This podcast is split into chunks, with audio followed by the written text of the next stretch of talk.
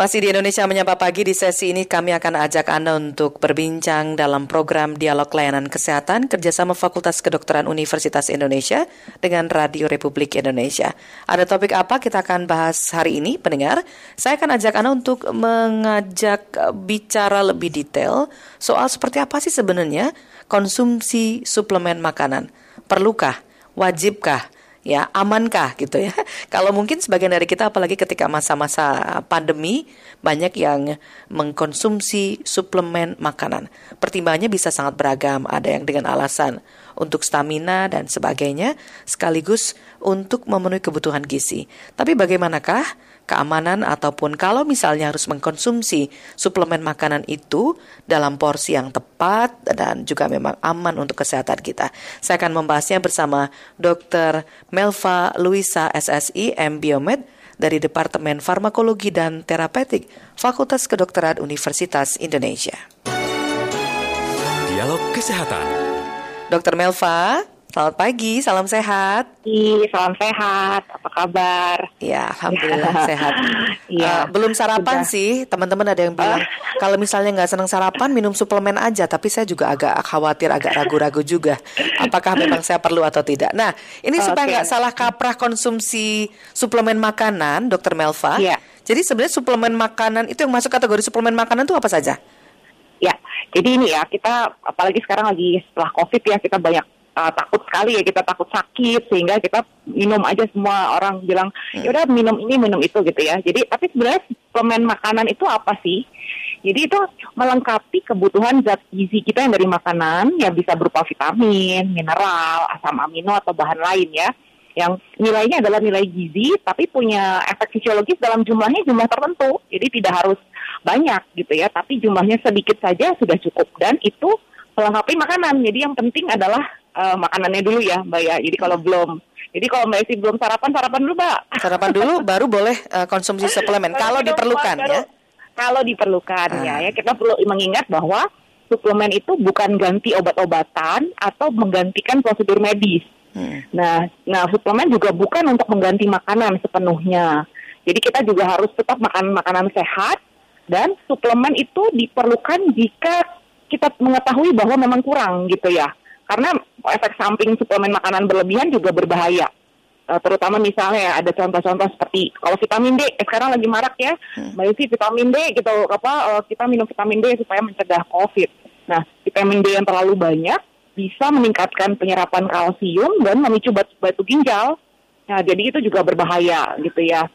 Lalu ada juga misalnya suplemen besi yang terlalu berlebihan ada penelitian juga ya pada ribuan wanita gitu ya bisa meningkatkan kematian bahkan mm. gitu ya. Yeah. Jadi kita harus mengetahui bahwa suplemen atau multivitamin itu bukan pil ajaib yang memenuhi semua kebutuhan, uh, namun boleh untuk menggantikan pada saat kita mengetahui bahwa uh, kita sedang kekurangan, okay. gitu ya.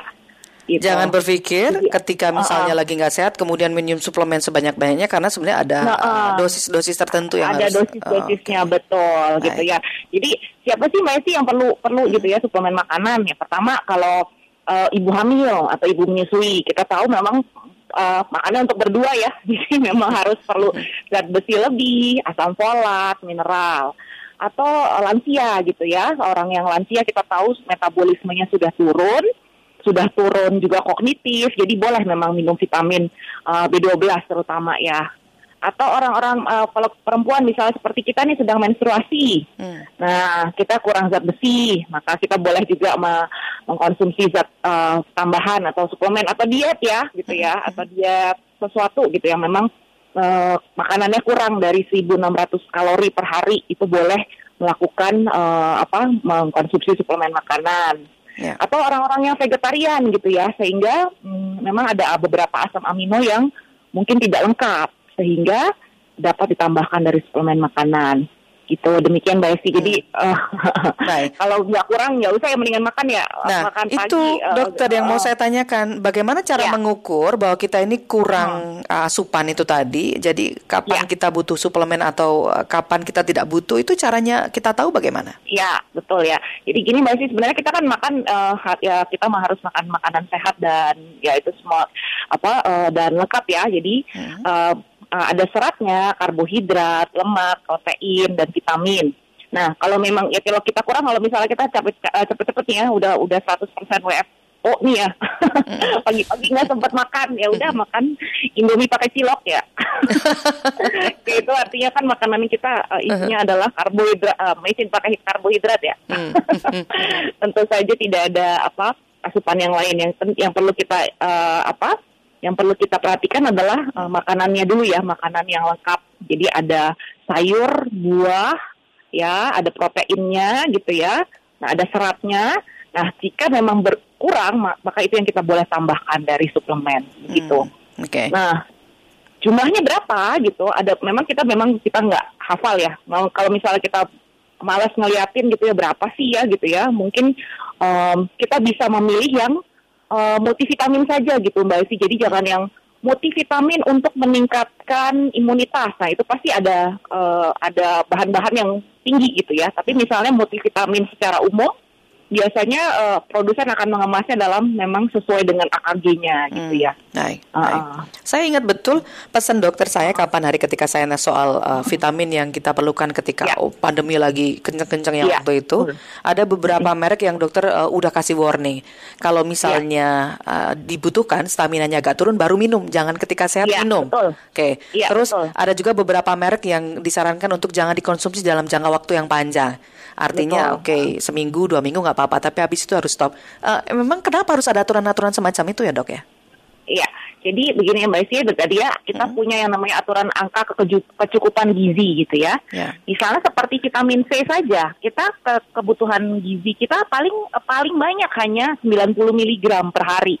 Hmm. Bayangkan kalau yang uh, kemarin COVID yang disarankan sampai dengan seribu iya. uh, per hari betul. gitu ya. Cari vitamin itu susahnya, minta oh, ampun rebutan. Uh, uh, betul uh. rebutan gitu ya. Kita uh. apa sih namanya pakai acara inden segala ya. Udah kayak beli apa ya. ya. Uh, jadi hanya sebenarnya hanya segitu dan itu sebenarnya bisa kita cukupkan dengan misalnya makan buah yang cukup.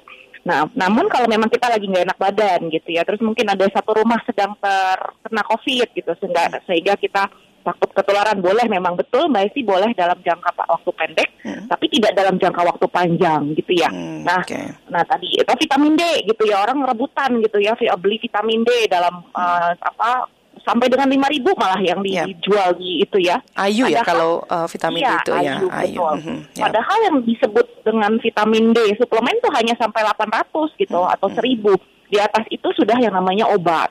Jadi sudah tidak lagi aman untuk dikonsumsi dan dibeli sendiri oleh masyarakat gitu ya. Harus dalam uh, pengawasan dokter. Sekian gitu ya. Jadi kan kasihan juga ya mesin-mesin dalam tubuh kita yang tadinya harus me, apa sih namanya me, me, meng, memprosesnya cuma misalnya cuma 100 hmm. tapi harusnya sekarang dikasih bahan 1000 gitu. Jadi, Jadi ekstra ya. Ah. Kerjanya lebih ekstra. Ya, lama-lama mesinnya ya, rusak betul. juga itu kalau kerja ekstra ah, terus. Ah, betul nah, ya. Saya ke penelpon ada ya. Bu Indra di Cirebon ya. kita terima singkat dulu Bu Indra, kita tampung dulu ya. silakan Bu Indra. Singkat Bu, langsung Terima kasih. Ya. Assalamualaikum dok. Ya, Waalaikumsalam warahmatullahi wabarakatuh. Iya Bu Indra, apa kabar? Uh, sehat Bu? Sehat, Alhamdulillah. Ya, uh, saya uh, tidak tidak apa begitu suka obat-obatan kalau iya. tidak perlu dan atas anjuran dokter. Ya. Saya berusaha untuk makan makanan sehat. Hmm. Nah, uh, tapi kadang-kadang melihat teman yang dalam pandangan saya kelihatan lebih bugar gitu. Hmm. Iya, suka, suka bertanya juga hmm. uh, suplemen apa sih yang uh, diminum. Hmm. Lalu beliau bilang gini gini gini. Tapi saya ragu dok, hmm. karena ya. konon katanya bisa apa? Efek samping. Bisa juga menyebabkan ya uh, uh, ada osteoporosis. Okay. Iya, juga betul, Uh, kadang bisa menyebabkan kecanduan. Baik. Apakah itu betul? Ya. Terima kasih Mbak Terima kasih untuk Bu Indra Terima jawabannya. Kasih. Tahan dulu ya, Dokter. Saya mau ke iya, informasi iya, iya, yang berikut iya. ini terlebih dahulu. Jawaban akan kembali untuk Anda sesaat lagi. Kilas Berita. Kilas Berita. Pendengar dua anggota tim pemeriksa pajak pada Direktorat Jenderal Pajak Kementerian Keuangan Wawan Ridwan dan Alfred Simanjuntak akan menghadapi sidang tuntutan pada hari ini, Senin 30 Mei 2022.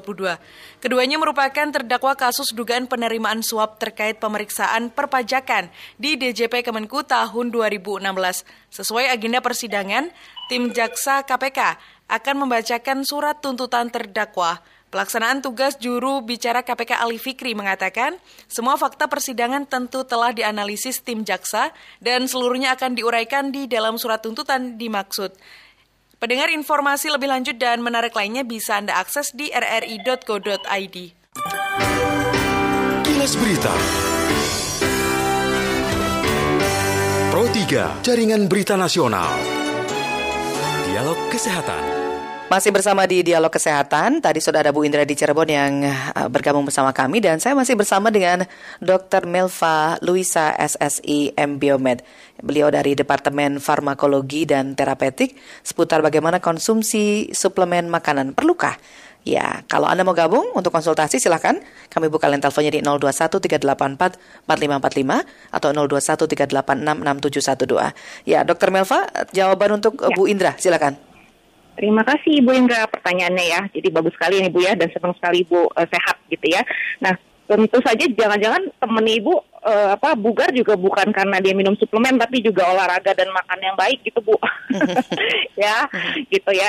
Oke, dah apakah, apakah suplemen makanan menyebabkan kecanduan? Sebenarnya bukan kecanduan ya Bu ya. Misalnya gini, kalau kita membutuhkan vitamin uh, vitamin C atau vitamin D gitu ya biasanya kita mendapatkan bisa dari makanan dari sinar matahari badan kita uh, akan apa ya melakukan uh, apa processing ya. Processing dari makanan atau dari matahari atau dari yang lain. Tapi kalau dapatnya dari suplemen hmm, apa uh, tubuh kita akan oh ya udah langsung jadi gitu ya makanan cepat apa kayak cepat saji gitu. Sehingga tubuh kita tidak lagi terbiasa untuk memproses. Nah itu yang bukan kecanduan tapi ada sesuatu yang berubah dari tubuh kita untuk uh, apa memproses itu sendiri gitu ya. Dan dan sebenarnya nggak juga butuh banyak-banyak bu gitu hmm. ya ada angka kecukupan gizi yang kita apa kita butuhkan dan itu nggak nggak nggak banyak misalnya vitamin D kita hanya cuma butuh sebenarnya dari makanan itu adalah 20 uh, 20 IU saja gitu bukan seribu gitu ya. Nah, vitamin C misalnya 90 atau 75 saja untuk perempuan sudah cukup gitu. Nah, ya begitu Bu. Jadi kalau misalnya dapatnya dari suplemen, tubuh kita tidak berusaha untuk memproses gitu ya. Hmm, Demikian okay. Bu. Jadi bukan kecam, bukan kecanduan tapi ada mesin-mesin yang apa ya, jadi nggak terbiasa untuk hmm. gitu ya untuk memproses menjadi gitu. Oke. Okay. Ya, Baik. Jadi yang, yang perlu diperhatikan ketika kita memutuskan untuk mengkonsumsi ya. suplemen makanan ini, maka apa saja ya. itu yang perlu kita perhatikan, dokter? Pertama. Ya. Mm -hmm. Ya, pertama kita uh, pertama uh, pertimbangkan makanan yang bergizi dulu ya. Kita mengikuti pedoman gizi seimbang untuk memenuhi nutrisi tubuh. Ya. Terus uh, kalau kita tahu kelompok nutrisi apa yang mungkin kita lewatkan gitu ya. Oke, misalnya oke okay, udah berarti saya uh, kurang makan buah nih, mungkin saya kurang vitamin C. Nah, itu mungkin dapat kita uh, apa penuhi dari uh, suplemen. Hmm. Lalu yang ketiga, lebih baik multivitamin yang rame-rame gitu ya daripada yang spesifik karena biasanya eh, kalau yang spesifik gitu ya uh, dia memang ada tujuannya tertentu tuh untuk hmm. mencegah tulang uh, kropos misalnya ya. Yang ini untuk men meningkatkan kesegaran akibat apa misalnya uh, uh, apa peningkatan uh, sakit jantung gitu. Jadi begitu ya. Daripada kalau memang kita punya konsul apa punya kebutuhan spesifik silahkan gitu ya misalnya. Tapi kalau tidak lebih baik multivitamin yang uh, rame-rame aja gitu semuanya ada gitu ya karena itu pasti AKG-nya sedikit gitu oke okay, ya. saya ke penelpon lagi ada Pak Nur Hadi di Bekasi Pak Nur Hadi salam sehat ya. salam sehat terima selamat kasih pagi. Ya. Dokter Melva Luisa silakan baik selamat pagi Dokter Melva ya. mau menanyakan sedikit uh, yang pertama kira-kira ya. kan kita uh, ada polutan begitu yang nggak sengaja udah ya. mau nggak uh, makan apa, menghisap ya. apa, tapi masih terpapar, itu uh, apa uh, yang kita bisa asupan untuk detoxnya bahasanya istilahnya dengan oh, catatan gitu ya, Pak. kita sudah biasa memakai yang suplemen begitu okay. artinya yang alami begitu itu yang pertama yang kedua terakhir adalah mengenai uh, untuk mengukur uh, kalau kita beli yang suplemen kan sudah ada uh, uh, international unit per miligram misalnya begitu. Mm. Ya. ya. Ya, tapi kalau kita yang asupan biasa yang uh, beli buah potong bla bla bla begitu, ya. uh, kalau overload kan uh, akan terbuang dengan ini. Tapi untuk mengukur ya. biar nggak juga terlalu berlebihan itu kita ada tesnya atau bagaimana itu dokter? Hmm, okay. Ya, itu aja. Terima kasih. Terima kasih. Selamat pagi kembali. Selamat pagi ya. Pak Nur Hadi. Banyak orang yang lebih memilih uh, kapan hari uh, teman-teman ketika diskusi ada yang lebih memilih untuk udah deh saya makan yang fresh fresh aja. Alam sudah ya. menyediakan jadi ya, maunya betul. yang seger aja gitu. Nah termasuk mungkin tadi gimana tanggapan untuk Pak Nur Hadi ini dokter? Ya Terima kasih Pak Nur Hadi ya. Kalau memang mem uh, ada beberapa orang juga memang kerja pekerjaannya mungkin ya banyak uh, polutan misalnya polis hmm. uh, polisi lalu lintas gitu ya. Uh, jadi memang sering di jalanan. Boleh tuh Pak. Berarti memang uh, apa orang tersebut punya kebutuhan khusus untuk mendapatkan uh, apa sih antioksidan ya, antioksidan yang lebih daripada orang yang kerjanya di kantoran misalnya. Jadi boleh misalnya meningkatkan uh, asupan misalnya vitamin A, C, E gitu ya sebagai jadi bisa mencari misalnya uh, suplemen makanan yang untuk antioksidan gitu. Ya tapi kembali lagi Pak tidak usah banyak-banyak karena memang kita kebutuhan tubuhnya tuh nggak sedemikian paling 250 mg sudah cukup ya. Oke. Okay. Yang membedakan gitu ya. kebutuhan satu orang dengan orang lain gimana? Karena kan biasanya kalau kita konsumsi ya. obat berat badan itu juga menentukan ya. berapa dosis yang harus kita konsumsi dokter. Iya betul. Jadi uh, untuk untuk vitamin dan mineral yang disebut, disebutkan oleh Bada, uh, Kemenkes adalah berdasarkan uh, kelompok umur, ya kelompok umur dan kebutuhan tertentu. Jadi ada namanya angka kecukupan gizi. Bisa kita lihat kalau misalnya kita pengen tahu, uh, diketik saja bapak pak ya misalnya angka kecukupan kecukupan gizi dari Menteri Kesehatan, hmm. gitu ya. Jadi mungkin laki-laki dan perempuan berbeda, tapi memang tidak di, uh, dibedakan antara berat badan tapi dibedakan berdasarkan kebutuhan apakah dia hamil, menyusui, kalau tadi ya hmm. bekerja di lingkungan yang mungkin polusinya tinggi itu akan berbeda daripada yang uh, seperti biasa hmm. gitu ya. Baik. Nah, jadi uh, uh, nah itu memang kalau yang tadi polutan betul Pak hmm. perlu apa antioksidan yang lebih mungkin daripada yang lain gitu ya. Yang ya. kedua ya. uh, yang mengenai apakah uh, dari buah atau tidak ya. Sebenarnya kalau dari buah pasti tubuh kita sudah punya yang namanya mekanisme uh, ada yang namanya kenyang ya Pak. Jadi kalau memang dari makanan kita biasanya tidak akan berlebihan sedemikian daripada yang dari suplemen karena dari suplemen misalnya kita ya kalau misalnya dalam dalam jeruk mengandung saya nggak hafal lagi ya vitamin C-nya berapa hmm. ya kita nggak mungkin bisa makan satu hari sepuluh buah jeruk kan gitu ya pak ya atau atau misalnya dapat vitamin dari semangka atau hmm. misalnya dua buah dua buah semangka nggak mungkin hmm. tapi kalau misalnya itu dalam pil ya satu pil dua pil kan nggak apa ya ternyata itu tinggi sekali gitu ya jadi memang tentu saja yang dari makanan itu lebih baik karena hmm zat gizinya kaya, ada seratnya, dan dia biasanya nggak tunggal gitu ya. Hmm. Vitamin C-nya ada, beta karotennya ada, kalsiumnya ada, antioksidannya ada, demikian ya. Kalau kalau suplemen enggak gitu, memang dia vitamin C saja, hmm. vitamin D saja gitu yeah. ya. Okay. Nah, kalau, eh, eh, kalau dari makanan pasti begitu pak, nggak akan nggak akan sampai berlebihan yang berlebihan sekali ya, karena memang kita punya mekanisme ya, kenyang ya, kita hmm. ada kenyang, ada ada rasa mual, ada rasa apa yang dapat membatasi uh, konsumsi ya, itu ya. Tubuh kita udah punya sensor yang luar biasa ya. Iya, betul. Baik. Iya. Ya.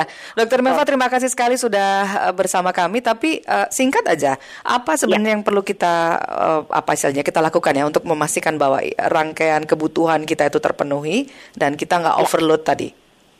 Ya, overdosis pertama, ya. Hmm. Terima kasih Mbak Isia.